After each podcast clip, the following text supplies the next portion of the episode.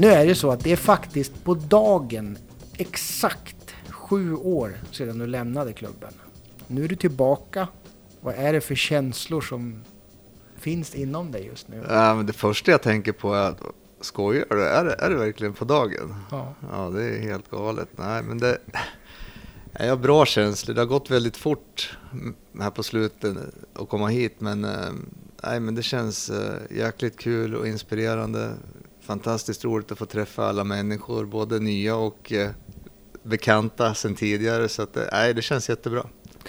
Innan vi går in på vad som komma skall för dig i klubben här så måste vi backa bandet lite grann och göra en liten bakgrundskoll på, på för, för de som inte har koll på vem Niklas Johansson är. Vart är du född och uppvuxen någonstans? Jag är född och uppvuxen, eller inte uppvuxen kanske, men född i Södertälje. Mm. För där spelade min pappa hockey då i gamla elitserien som det hette. Så där kom jag till världen, sen flyttade vi till Arboga. Mm. Så jag är uppvuxen i Arboga. Men då hade han ju ändå någon, någon elitkarriär då, farsan din då? Ja, men det hade han. Han lirade två säsonger i, i Södertälje. Sen kom jag och eh, kvaddade hans karriär. Så när jag kom till, då, då la han ner verksamheten. Okej. Okay. Eh, men när man försöker leta upp lite information om din tid på isen då, då hittar man inte så mycket. Det blev liksom inte NHL för dig när du spelade? Nej, jag kom upp ganska tidigt i A-laget i, i Arboga och sen spelade jag i, i Köping och i Eskilstuna och sen var jag faktiskt här i Västerås och spelade i Västerås HC en sväng. Sen gick jag tillbaks till Köping och så pajade jag lårmuskeln och skulle rehabba ett, ett helt år. Men då halkade jag av en slump in på tränarkarriären och blev helt enkelt fast inom den, det området som tränare och sen vidare till sportchef och GM. Då. Men vad var det för spelartyp då? Var det forward, back eller vad var kört? Ja, men jag, var, jag var en back men eh, kunde användas som forward också för jag var ofantligt snabb på, på rören. Okej. Okay. Men eh, starten som ledare då, Köping ser jag här, 98, stämmer det? Det kan nog stämma bra. Och då är det ju, du tar ju laget från division 3 till division 1 under några säsonger. Du hinner ju även över till Fellingsbro där, ja. eh, två säsonger också. Mm. Men den här början då på tränarkarriären, hur var den? Ja men den var ju... Jag började egentligen först, innan, innan A-laget där så började jag med, med juniorerna i Köping lite grann och sen frågade Thomas Michael mig om inte jag kunde bli bli coach istället för han ville ägna sin energi åt att spela fortfarande. Så så blev det. Så då, då körde jag två år i Köping. Sen eh, vart det Fällingsbro och det var otroligt kul där också. Både, både sportchef och tränare där värvade ihop lag och sponsorer och grejer och vi hade en bra resa där. Vi var riktigt bra. Vi mötte Vik faktiskt då för det var ett gammalt återtåg då den perioden så att det var tuffa fighter faktiskt mellan oss. Sen tillbaks till, till Köping igen i två år och sista året där så gick vi upp i division 1. Och eh, vi låg faktiskt i toppen där fram till jul. Sen ringde Arboga och frågade om inte jag kunde hade, hade lust att bli headcoach då i Arboga i Allsvenskan. Ja, för var det någon form av brandkårsutryckning då att du skulle komma in och rädda Arboga? För det var ju vid jul, ja, mitten på säsongen. Ja, de låg lite, lite, lite risigt till där så då, då fick jag hoppa in och köra det racet. Och sen eh, var jag kvar i Arboga i jag vet, vet, inte om det var en 6-7 år. Mm. Och både, och ja, för först blev du assisterande året efter? Ja, tillsammans med, med Weinstock, Ulf mm. Weinstock. Och det måste ju ha varit en, en karaktär i sig? Ja, en fantastisk människa. Jätte, jätte, jätte, jättebra. Vi hade otroligt roligt tillsammans. Och vad var det då som fick dig att, att bli eh, sportchef då i, i Arboga? Ja, men jag, jag byggde ju lagen redan innan när, i, i både Köping och i, i Fällingsbro och jag tyckte det där var roligare. Alltså jag, jag fastnade för det jätte, jättemycket och, och därav så, när jag fick möjligheten så blev jag sportchef i Arboga. Så det var roligare att bygga än att förvalta om man säger så? Då? Alltså än att, än att träna menar ja. du? Båda har sin tjusning men det, det är ändå roligt att, att bygga måste jag säga. För det var ju i Arboga där, nu pratar vi ju 2005, 6, 7 och så vidare där. Det var ju några tuffa säsonger. Det, det vart ju tungt ja. i Arboga. För det slutade ju med, tidigare i Arboga i Hockeyallsvenskan, så slutade det med att ni ställde en 14-åring i mål och en 50-åring på, på tekningsposition där. Så att... Ja, det var ju JG här och sen, eh, sen fick vi ragga ihop lite folk för att slutföra serien. Vi, det, det vart ju lite olyckligt. Arboga är en väldigt liten stad och eh, det finns inte så mycket sponsorer. Så att eh, det, det var några stora tunga pjäser som drogs ur och då, då fanns det inte möjlighet att, att vara kvar i, i, i allsvenskan och eh, vi hade helt enkelt inte råd att spela vidare egentligen. Men vi var tvungna att fullfölja serien på grund av att inte åka på böter som vi inte skulle kunna rå med. Liksom. Så att vi, man kan säga att vi degraderade oss själva ner till division 1. Och där, ja, du har bättre koll än mig, det vart det några säsonger där. Ja, men, men, men, är det så att var man kanske lite för högt upp för sitt eget bästa då i Arboga? Det, det är ju såklart roligt att ha ett lag i Hockeyallsvenskan, ja. men det vart väl kanske lite för dyrt? Ja, alltså om man ser över tid för att det skulle kunna vara riktigt, riktigt bra och kanske ta ytterligare steg så jag tror det var max på grund av att det var starka personer som var inne i föreningen under en period och hjälpte till väldigt mycket. Det var det som skapade de förutsättningarna. Men om man tittar i, i, i laguppställningen där under din tid i Arboga så var det ju mycket intressanta spelare som sen fick väldigt fina karriärer. Bastiansen, Conny Strömberg ja. och så vidare, Semjonov och alla de här. Så det var ju, du, du, tog ju in väldigt mycket intressanta spelare som hade det som språngbräda. Ja, men det blir ju lätt så också att man får, man får ju ta in unga lovande spelare för vi hade kanske inte ekonomin för att eh, gå helt på färdigt. Och... Där kanske inte Conny faller in i den kategorin. Nej, det gör han kanske inte. Nej, men, men, men sen våren 2010 mm. så får du ju ett samtal härifrån Västerås. Vem är det som ringer då?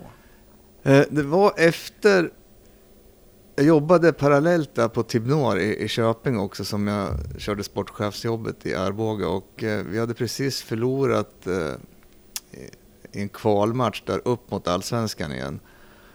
Och då kände jag att eh, jag kanske ska göra någonting annat.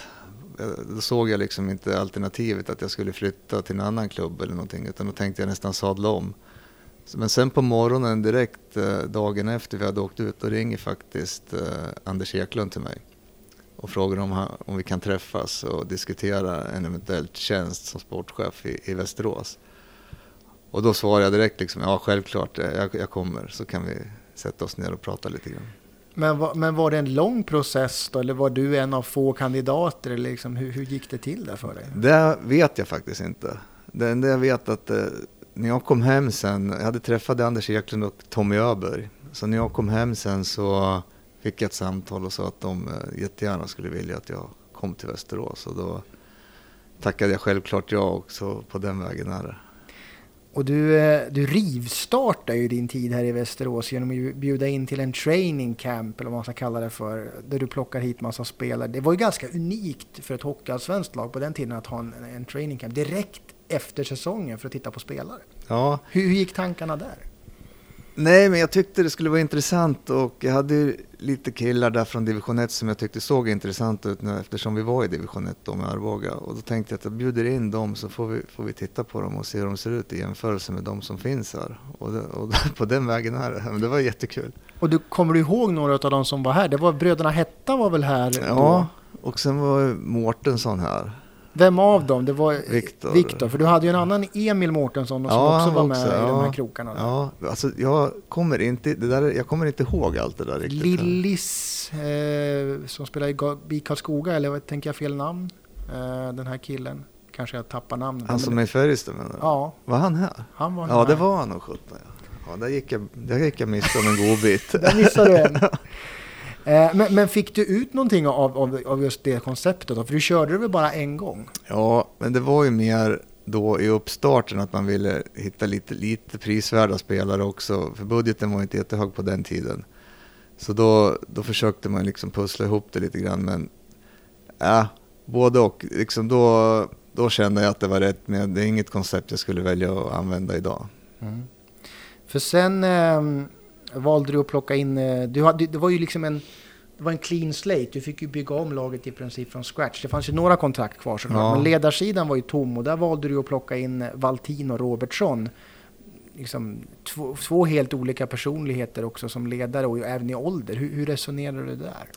Men jag kände att vi behövde ha en trygghet och en stabilitet och eh, en struktur och ordning och reda och noggrannhet. Och det står ju verkligen bägge två för egentligen. Och eh, speciellt Mats då eh, på den tiden. Och sen Bert var från Almtuna då. Och han hade varit med Rönnqvist där. Och de hade den här, startat den här nya idén med lite mer skridskoåkning i hockeyn. Och jag tänkte att det skulle passa oss jättebra. Så att han är fantastiskt duktig med backarna också. Det snurrade ju på där. Laget kom ju femma i serien och det dök ju upp spelare som Evan McGrath och, och Damien Fleury var ju tongivande pjäser i det här laget. Även två slovaker dök ju upp eh, innan säsongen var över där. Hade du redan från början bestämt dig för att köra på lite mer utländska spåret om man tittar på de här toppspelarna? Nej, men det är det som... det hade jag inte. Utan eh, min plan är egentligen alltid att ha så mycket svenska spelare som möjligt. Men jag vill fortfarande ha ett så slagkraftigt lag som möjligt. Och då måste, har man en pott pengar som man måste använda sig av och eh, svenska spelare är i regel dyrare än utländska spelare. Så därav blev det den typen av satsning helt enkelt.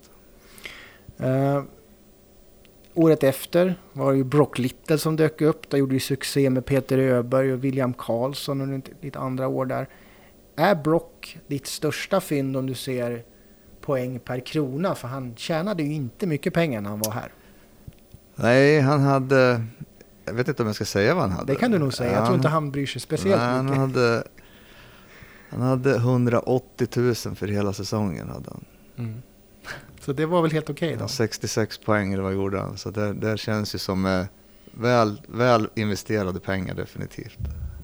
Men sen fanns det också, det, det var ju inte bara guld och gröna skogar när man plockade spelare från, från de här lite mer obskyra ligorna, svenska övermått men, men tvekade du någon gång under tiden här i Västerås på att oh, ska jag verkligen köra på de här, ska man säga lite mer ortodoxa valen av spelare och så vidare?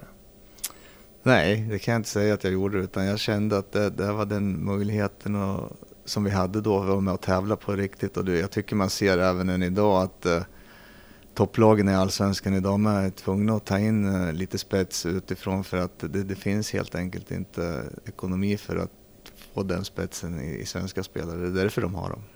Men om jag säger till exempel Giancarlo Iorio, Mike World, Matt Leitner, Stefan Lidjen, vad, vad, vad, tänker du då? Det är ju det är ju riktiga toppspelare som egentligen jag har förstört under den här tiden. Nej, för jag tänker, är, är, det liksom, nu ska vi inte klanka ner på dem, men, men det är många av de här som, som inte knappt fick spela alls, de fick nästan vända i dörren. Men är det det man får ta om man ska hitta Brock Little och Damien Fleury och så vidare? Både och, liksom eh, i vissa fall så var det lite svårt att veta vilken fysisk status de var i och det tycker jag det är fortfarande. Man måste nästan skicka över folk och göra fystester innan man tar hit dem och det är lite grann dit vi har kommit i, i, där jag har varit senast nu i Örebro. Där, där åker vi över och gör fystester på killarna. Så det är, dit, det är så noggrann måste man börja bli. För det är så pass mycket pengar. Men eh, eh några nitar går man alltid på, så, det, så enkelt är det. Uh sen säsongen 12-13 då blev det ju NHL-strejk här i Sverige, inte här i Sverige utan i NHL då. Men svenskarna, svenska lagen hade ju möjlighet att plocka in NHL-spelare. Du var ju inte sen på, på bollen, tog ju hit eh, Patrik Berglund och Mikael Backlund och sen även Brendan Mickelson. Men den stora bomben den blev ju riktigt, vart ju aldrig av. Det var mm. väl så att TJ Oshie, han hade väl nästan köpt flygbiljett. Ja, alltså vi, hade det fortsatt eh, NHL-lockouten då hade vi fyllt upp laget med NHL-spelare i stort sett. Ja, det var inte bara TJ Oatry som vi hade på, på gaffeln lite grann utan det var andra som var med också. Vi höll på och jagade dubbelpass på en hel del NHL-spelare också så att vi skulle undgå den här regeln med utlänningsnivån. Precis, för det var ju en regel som ställde till det lite grann för er. Eh, ni hade ju, Brady Lazenring var ju här, Matt Fonatar var här, så ni kunde ju ha två icke-europeer mm. med i laget. Och när Brendan Mickelson kom, då fick en av dem sitta helt enkelt. Ja. Och då vart helt plötsligt, många vart ju på polacker, någon vart rumän, någon vart fransman för att det fanns den här dubbelpass. Ja, vi fixade ju... Brendan Mickelson hade en släkting som var uh, irländare. Så vi fixade faktiskt ett pass, ett irländskt pass åt Brendan som han inte behövde använda dock. Men men vi var redo för då skulle han ha gått som dubbelpassare om vi hade fått kunna ta in fler spelare. Sen var det några andra också som eh, var icke, eller som var europeer som var i NHL som vi hade klarat. Jag, jag, jag räknade en gång, jag tror vi hade, hade det varit lockouten fortsatt så hade vi haft 12 NHL-spelare på isen. Men vilka, fanns det några fler namn som du hade liksom? Att, Ja, här- men det är så pass länge sedan så jag har liksom, eh, jag vet att det var från Montreal och sen var det något mer, jag kommer inte riktigt ihåg vilka det var faktiskt. men inga, inga superkändisar som du Jo, kommer ihåg? det var en, men jag... Den, jag Du hade glömt ja, namnet. jag har gjort det. Ja. Men eh, efter att det bara sa pang där borta så tog ju strejken slut. Och lite grann en slags baksmälla blev det ju över serien och laget, eh, framförallt för Västerås del. Då här. Men ni kom ju till kvalserien återigen, men där tog det ju stopp då. Ja, Det var ju två år i rad ni var i kvalserien, men det, det vart ju liksom aldrig riktigt nära. Nej, nej, jag tycker inte vi fick till det riktigt i, i kvalserien, inte som man hade förväntat sig. Men det var otroligt bra för spelarna och lärorikt för oss att vara i den där kvalserien. Definitivt, så vi vart ju mer och mer redo för att försöka ta klivet upp, tycker jag. För eh, det var ju 2013-2014 då de här kvalserierna. Sen kom ju den här säsongernas säsong 14-15. Det var fyra, potentiellt fyra SHL-platser i potten. Mm. Ligan skulle expanderas med två lag och sen var det ju två lag som vanligt då som kvalade. Men det var också ett nytt system där man ställdes head to head med både SHL-lag och allsvenska lag. Om vi bara tittar på pappret det här laget du satte ihop. Det var ju alltså namn som Jeremy Williams var här innan, men Nick Angel, Jan Urbas, Matt Fonataro, Evan McGrath, Conny Strömberg, Dustin Joner. Det var, det var, det var ju helt okej. Ja, ja det, var ett, det var ett väldigt fint lag och väldigt bra killar allihopa. Och vi, nej, det kändes som att det var våran tur helt enkelt. Ja, för det, det stora frågetecknet inför den här säsongen, det var väl egentligen att du valde att stoppa in en J20-tränare från Örebro. Det var väl många som liksom funderade på vad hände där? Martin Filander är den som ska styra det här skeppet. Hur tänkte du där? Nej, men jag tyckte att det kändes friskt och fräscht och han stod för bra saker. Otroligt ambitiös, jobbar stenhårt, en jättebra människa, bryr sig om alla. Det, så det, det kändes helt rätt. Och sen hade jag ju skrivit ett avtal med Thomas Mittell där det, vi hade lagt in en klausul att han att vi skulle ha en diskussion om han skulle fortsätta som spelare och skulle han inte det då skulle han automatiskt bli assisterande tränare för att jag såg att han var eh, otroligt skicklig. Han har otroligt öga för, för hockey och kan se de små detaljerna och duktig på att hjälpa spelarna. Ja, nu har han ju ett SM-guld att visa upp för det också. Ja, exakt. Så det, det är, halva det är ju mitt egentligen. Men du, jag kommer ihåg det, du var ju inte sugen på att stoppa in någon 50-60-årig plus gubbe som stod och skrek, utan du ville ju hellre köra på det här spåret. Ja, men det kändes fräscht Mm. och det var fantastiskt roligt att jobba ihop med de två. Och Per Hellenberg såklart var ju Ja, sista länken precis. i det där gänget. Eh, men det blev ju en tuff start den här säsongen. Ni låg ju sist ett tag där. Eh, sen gjorde du ju faktiskt några justeringar för att vända på det. Ja, som du säger, vi startade ju inte som vi hade önskat utan det, det vart ju en liten, vad ska man säga? Det gick trögt. Ja, det gick helt enkelt väldigt trögt. Jag tror vi låg sist efter 17 omgångar. Gjorde vi inte det? Mm. Jo. Men vi hade, insåg att vi hade potential i laget men eh, så vi behövde göra en, en liten förändring och ta in lite annan typ av kategori spelare som gick in lite mer med näsan och eh, krigade lite hårdare. Så därför justerade vi laget med att ta bort eh, Fonataro, McCraft och Conny Mm. helt enkelt. Ja, Conny lämnade efter jul och de andra två var lite tidigare. Men det ni, ni plockade in då var ju Stefan Gråns, Jonte Berg och eh, Erik Andersson. Mm. Eh, var väl från, var det HV71? de Ja, upp stämmer bra.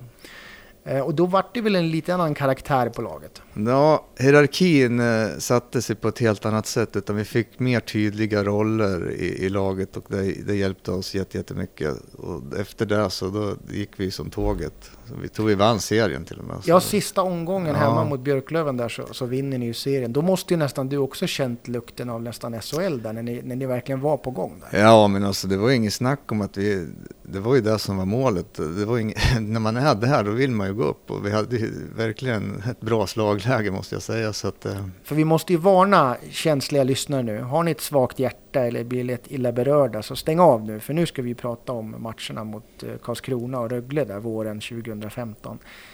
Vad var det som hände där? Ja, alltså om vi börjar Karlskrona. Där, där tycker jag att vi överlägset klart det bästa laget. Vi styr alla matcherna egentligen. Galbraith storspelar i målet för dem och vi har Jeremy Williams på skadelistan. Och vi har mycket powerplay, men vi får liksom inte hål på honom. Och det, det, det, ja, det är för jäkligt, men det är svårt att sätta fingret på. Men det, och sen är det slumpartade mål som Karlskrona gör. Liksom. De kastar en puck från hörn, Du tar på byxa, ben, ben och in. Och, allting grinade emot. Det, det, det, det, där har jag inte smält än alltså. Det är riktigt tråkigt. Lite av det antar jag ligger liksom lite till bränslet att du ville komma tillbaka så också. Ja men det är där jag pratar om med lite revansch. Det, är där jag vill, man vill ju att vi ska ta klivet upp. Det är, där, det är därför jag är här. Och sen eh, vet jag att klubben har den målsättningen också. Och att man vill till SHL, men man ska ha en jävla respekt för hur svårt det är att gå upp i SHL. Det är mycket som ska klaffa. Och just nu så ligger vi ju inte direkt där och jag tycker inte i det här läget idag så tycker jag inte man ska prata om det utan nu pratar vi om helt andra saker utan vi, vi får ta det, det får ta den tid det tar känner jag men jag är här i tre år och vi ska jobba på. Men inte för att springa bort från den där situationen för att det, ju, det, var väl ganska unikt också att, i, i idrott att man förlorar en final mm och så får man en chans till. Det blir någon form av andra chansen, Melodifestivalen-upplägg där. Ni får möta Rögle i en andra chans och där gick det ju inte alls heller. Nej, och jag kan säga att det var, det var, upplägget var en katastrof, tycker jag. Vi går all in i de här matcherna mot Karlskrona, får se dem jubla och fira SHL-platsen. Alla är skitledsna, sitter och grinar i omklädningsrummet i stort sett helt knäckta. Sen några dagar senare då ska vi upp i en ny batalj, en ny chans helt plötsligt. Man har tömt sig mentalt och ladda om de batterierna. Det, kan säga, det var omöjligt. Jag kände till och med det i min kropp, även fast inte jag spelar, så att jag kände hur fan ska de orka det här? Och vi försökte liksom med alla möjliga medel att få upp energin, men nej, men det, det, det vart för svårt helt enkelt. Uh, hur pass mycket påverkade det här uttåget och missarna säsongen efter? Kände du att det fanns kvar lite liksom effekter av det på säsongen 15-16? Ja, det tycker jag. Jag tycker liksom att det vart som ett antiklimax och att uh, jag tycker att uh, både förening och spelare och ledare hade svårt att eh, ladda om mentalt för en ny säsong. Mm. Det, det, kan jag säga. Och som vi var inne på, då, 12 januari där 2016 så, så får du ju lämna klubben. Eh, hur tungt var det, om du tittar tillbaka, hur tungt var det att inte liksom få fortsätta och att, att det vart ett avslut där? Nej men det är klart det var tungt, det är, det är aldrig roligt liksom. Det, trivdes förbaskat bra. Det, men, men, så är den här branschen och det, det, är ingenting som jag vill utveckla mer utan det, det beslutet togs och det respekterar jag och eh, gick vidare därifrån.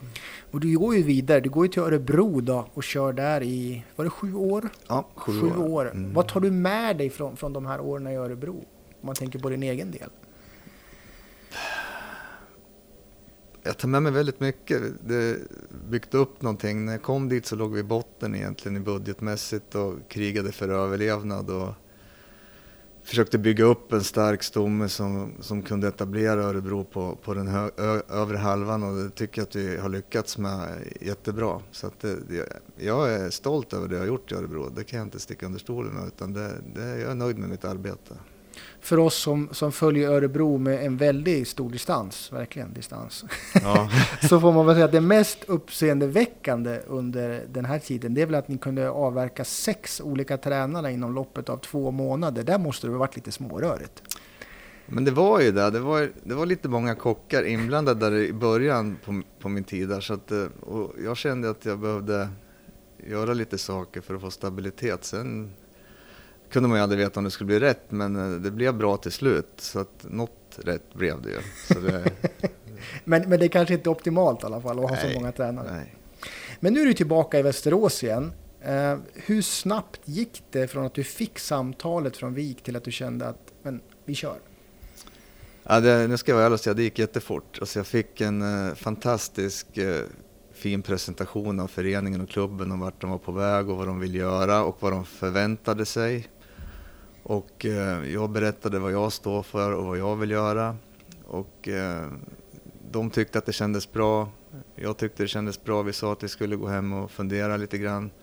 Sen ringde Per tillbaka sen och sa att äh, men det kändes jättebra och att vi, vi vill jättegärna att du ska komma till oss. Och, och jag tackade såklart ja. Det var, jag var verkligen sugen och laddad och motiverad för ett nytt kapitel och som vi sa, försöka ta hela vägen den här gången. Men som sagt, vi får se när det händer. Sen behöver man ju inte vara Sherlock Holmes för att inse att du kanske också gillade det geografiska läget. Du har ju rört dig i Mellansverige som en brottsutredare hade dragit pilar från Arboga till alla möjliga ja. alternativ. Nej, men jag, så är det ju. Liksom, jag är, trivs väldigt bra där jag, där jag bor nu och eh, självklart är det en stor fördel att jag kan fortsätta bo där med, och ha min familj där. De kan gå kvar i skolan och och, och ha sina liv där medan jag arbetar med det jag älskar. Så det, det, det, är en stor fördel. Så att, eh, jag var självklart väldigt glad att Västerås ringde av den anledningen med. Eh, nu kommer du ju in mitt i en säsong där laget har gått väldigt tungt. Om man säger din snabba, korta analys av läget just nu. nej, men det, jag, jag vill bidra med det är en trygghet till allihopa runt omkring mig. Vi ska försöka få till en struktur som vi kan arbeta efter. Jag ska ha samtala med tränarna, hjälpa dem så gott jag kan och bidra med det jag kan. Skapa ett lugn hos spelarna där de känner att de kan prestera i lugn och ro. Så att, eh, det är väl egentligen där jag är och sen analyserar jag de matcherna jag har sett och ger min feedback till tränarna och vi diskuterar lite grann efter det. Så att eh, se om det är några små förändringar vi kan göra för att eh, det ska lyfta lite grann. Ja, för du har väl egentligen bara sett eh, Djurgårdsmatchen på plats och Aha. sen den här matchen igår då, mot, mot Västervik. Vad, vad får du för intryck av det som ser ut på isen? Vad är det som händer där tycker du? Nej, men jag tycker att det finns kapacitet i laget. Sen eh, lite nervöst. Behöver fila på lite små detaljer bara, men jag tycker att det, eh, bara man får killarna att slappna av lite grann och känna ett lugn så tror jag att det, det kan gå mycket bättre. Men är det det som, som, som, man behöver göra i det här läget som sportchef att på något sätt trygga och säkra och, och, och liksom eh, skapa ett lugn istället för att bara komma in och säga vad fan nu gör vi så här, bort, väck, tomt. Ja. Eller, hur ser ja, du på det? Ja men definitivt. Och jag tror ingen tjänar på att bara komma in och dra med stora, stora sågen och göra en jävla massa förändringar och röra runt en massa. Utan jag tror mer på de människorna som är där nere och få lyssna lite grann på dem och hjälpa dem och komma med min, mina inputs och min feedback för att få det att lyfta lite grann istället. Eh, det finns ju ibland elaka röster som menar att sportchefer kan bli som en överrock till tränarna. Att man kommer in och petar i för mycket i deras jobb och så vidare. Men hur ser du på, på samarbetet eh, de här åren i Örebro och även tidigare då? Hur, hur en sportchef och tränare ska samarbeta? man ska jobba väldigt tajt. Jag är helt prestigelös och har, är öppen för allting och jag vill kunna prata med mina medarbetare som du och jag sitter och pratar här och skapa ett förtroende och inte, inte någon skrämsel, utan att de ska vara rädda för mig utan de ska känna att jag finns där för dem, hjälper dem med allt jag kan och eh, de, de får använda mig, alltså, fråga mig vad som helst så då ställer jag upp liksom. Vi, vi gör det tillsammans, annars kommer vi ingenstans. Det är ingen enmansshow det här utan hela föreningen ska åt ett håll och vi är många som ska göra det och alla är lika viktiga så att vi måste jobba tajt. Jag ska inte sätta dig på pottan nu, men, men, om, man ham- men om man hamnar i diskussioner om man, nej men den här spelaren ska inte spela powerplay, men den här spelaren måste spela powerplay, eller vi kan inte spela så här defensivt, eller vad det nu är för fråga. Mm. Vad landar man i där? Är det du som högst ansvarig som måste få det sista ordet eller blir det en diskussion där man på något sätt kommer överens? Eller hur, hur ser du på det? Jag kan inte ytterst två gånger där jag kommit i ett läge där, där jag måste kliva in och säga nej men nu gör vi så här. det har hänt någon gång under min karriär men det, är ytterst, ytterst sällan och dit vill jag aldrig komma egentligen.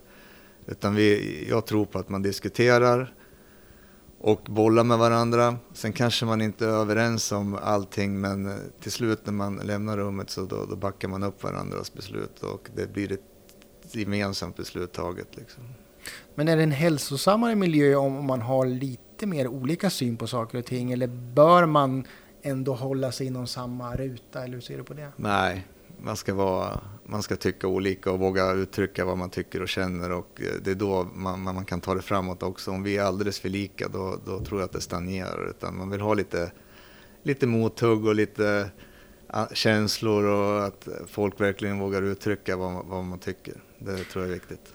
Och du har ju också en historik, för det var väl du som plockade upp Thomas i eh, juniorlederna här när du var sportchef, är det inte så? Ja, det stämmer. Det stämmer. Jag tror det var sista året som jag var här som jag tog in honom som juniortränare. Så en liten en kännedom om Thomas hade du ju sedan innan. Men eh, Robban Nordmark och Patrik Fagerlund, har du någon tidigare koll på dem? Ja, men jag tror Fagge kom in också i den vevan ungefär. Mm. Så att jag tror, jag känner Fagge sedan tidigare också. Robban känner jag också sedan tidigare genom hans eh, jobb som scout. Så det, det, är, inga, det är inga nya ansikten för mig. Uh, men den här säsongen vill ju klubben såklart vända till någonting positivt. Men om vi bortser från det som händer just här, idag och nu så måste du också komma till en gräns där du börjar titta på nästa års trupp och så vidare. När börjar det arbetet eller sker det redan parallellt nu? Eller finns det något liksom datum att nej, men nu börjar vi titta på det här? Nej, det har börjat redan, definitivt. Och liksom, det går parallellt medan jag kommer att titta på de här matcherna och hjälpa allt det här att lyfta. Och det, det, det,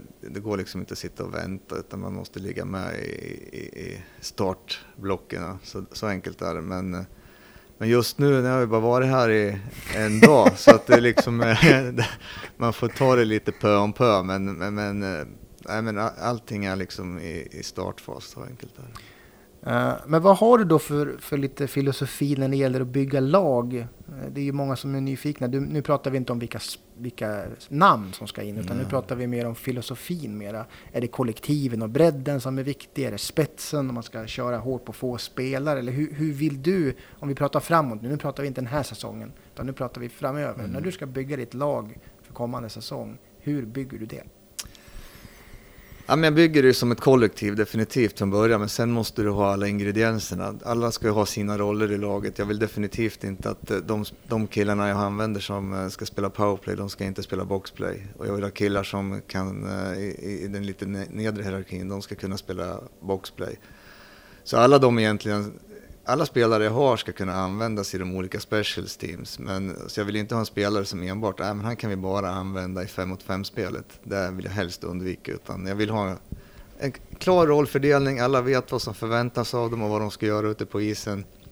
Då blir det tydligt och enkelt och man slipper massa gnäll och knorr om att uh, nej men jag ska ju spela powerplay. Nej men det, det ska du inte. men, nej men man vill ha att de vet vad som förväntas helt enkelt. Men är den här, äh, ska vi inte säga klassiska, men att du har två offensiva toplines, du kanske har en tredje som är lite komplement och en fjärde som del mer defensiv och fysisk struktur på? Mer kanske Mer kanske att uh, jag vill ha fyra lines som kan definitivt kan uh, skapa offensiv zontid, definitivt. Men sen kanske det inte är samma spetskvaliteter i, i alla linjerna. Mm. Men alla ska ha kapaciteten att flytta ner spelet i anfallszon. Du har ju tidigare sagt att kontinuitet är överskattat och att det liksom inte fungerar att ha det i Hockeyallsvenskan. Håller du fast vid det fortfarande eller är det någonting som har utvecklats? Nej, men det är, det är lite svårare i Allsvenskan definitivt. Men det, det, man gör så gott man kan för att hålla en kontinuitet, för det vill man ha. Annars blir det väldigt rörigt inför varje säsong. Du vill ju byta ut så få spelare som möjligt inför varje säsong. Men eh, så fort spelare blir bra, då, men då är ju jag tidigare och de andra från SHL, då, då är de ju där och rycker. Så enkelt är det. det var ju som, det var ja, det är idag som du ångrar att William Wikman spelar i Örebro. Ja, det är jävligt. Jag blir förbannad liksom. Det, det var ju skitonödigt. Det skulle jag låta han vara. Nej, men, men, det... Men, men, det måste vi också ta upp också. En sån som William Wikman, när du plockar honom från Västerås där. Vad tycker du om hans säsong i Örebro och vad fick du för nytta av honom? Ah, han, han är värd varenda krona som jag har lagt på honom i alla fall och han, han tycker att han har presterat bättre än jag hade förväntat mig. Jag hade förväntat mig att få en hårt jobbande spelare som kan spela boxplay och har en otroligt stor motor och engagemang och driv och är bra människa överlag. Men han har ju visat sig och tagit kliv tycker jag i Örebro och eh, kan faktiskt gå, han går in nu i, i första linan ihop med Bromé Lionen så det, det, det, är imponerande resa han har haft. Men går det att applicera samma modell mot Hockeyettan kontra Hockeyallsvenskan? Att du kan plocka någon spelare i Hockeyettan som får samma utveckling i Hockeyallsvenskan? Definitivt. Definitivt gör det det. Och det vi ska titta jättemycket på division 1 för man behöver ha den balansen också. I, om man tittar till budgetmässigt så går det inte bara att ha dyra spelare överallt utan man måste ha en hierarki även i, i löne, lönebilden. Så. Eh, nu när du ska bygga kommande säsongslag, då, hur pass många hyllplan eller fick du byta butik helt när du ska titta på spelare för Västerås kontra Örebro? För det är ju en annan liga, en annan budget. Ja, alltså man får ju byta butik. Eller får du byta stadsdel till och med? Nej, men man, självklart så får man titta på en annan kategori. Så enkelt är det ju. Och i Örebros fall nu, det är inte många spelare som ska in där, utan det, det, jag tror det är max fyra kanske, där någonstans. Mm. Så det jobbet var nästan klart ändå, trots att du slutade så var ja, men det är ju tack vare att kontinuiteten var så god. Så att det, där, där, eh, där behövs det inte så mycket. Eh, avslutningsvis då, vad skulle du säga är det absolut bästa kontra sämsta med det här jobbet som du har, att vara sportchef? Eh, det bästa är att man får en adrenalinkick och man vill verkligen att det ska bli bra och man får, man får verkligen jobba. Så enkelt är det. Det är inget glidarjobb om folk tror det, utan här, det är jobb hela tiden. Så det, och det, det trivs jag med. Och man skulle nog kanske inte orka lägga ner så här mycket tid om det var ett annat jobb, men, men brinner man för den här idrotten då, då, då, då gör det inte så mycket. Det sämsta? Ja, eller mindre roligt. Eller mindre roligt. Ja, men det är ju aldrig roligt att, att förlora till exempel. Det, det är det värsta som finns. Det, så det är lite himmel och helvete beroende på resultat? Ja, alltså man, vinner man mår man bra, förlorar man mår man mindre bra.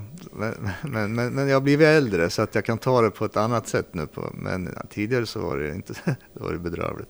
För det var ju en papperskorg här i korridoren som fick mycket stryk under matcherna. Den, du kanske ska flytta nu då? Du står någon annanstans? Ja, jag stod ju i gången där och den fick ju lite stryk. Och jag vet fortfarande inte vem, men det var ju någon lustig kurre som ritade en piltavla på den där papperskorgen. Så att när jag skulle vända mig och sparka på den, då vart jag lite förvånad så jag kom av mig. Men, då, satt... men sista orden då. Det, vad har du för hälsning att skicka till alla gulsvarta supportrar där ute som, som sitter och förväntar sig att det ska vända nu när du kommer in? Inte bara på grund av dig, men att det ska vända. Ja. Nej, men jag har ju en förståelse för att folk har haft förväntningar beroende, beroende på att målsättningen har satts upp ganska hög. Och det, det, det, det, så är det ju liksom. Sätter man en hög målsättning och inte lever upp till den, ja, men då blir det ju problem. Så enkelt är det. Men jag vill verkligen att alla sluter samman här nu och eh, stöttar laget för att det är nu de behövs. När, när, när det rullar på och man ligger två eller etta, men då, då spelar det ingen roll. Men det är nu man visar om man har ett hjärta för den här föreningen eller inte. Så stötta killarna, låt dem kunna få chansen att prestera utan att känna rädsla och nervositet där ute, utan eh, så att de kan spela avslappnat och eh, då kommer det här att bli bra.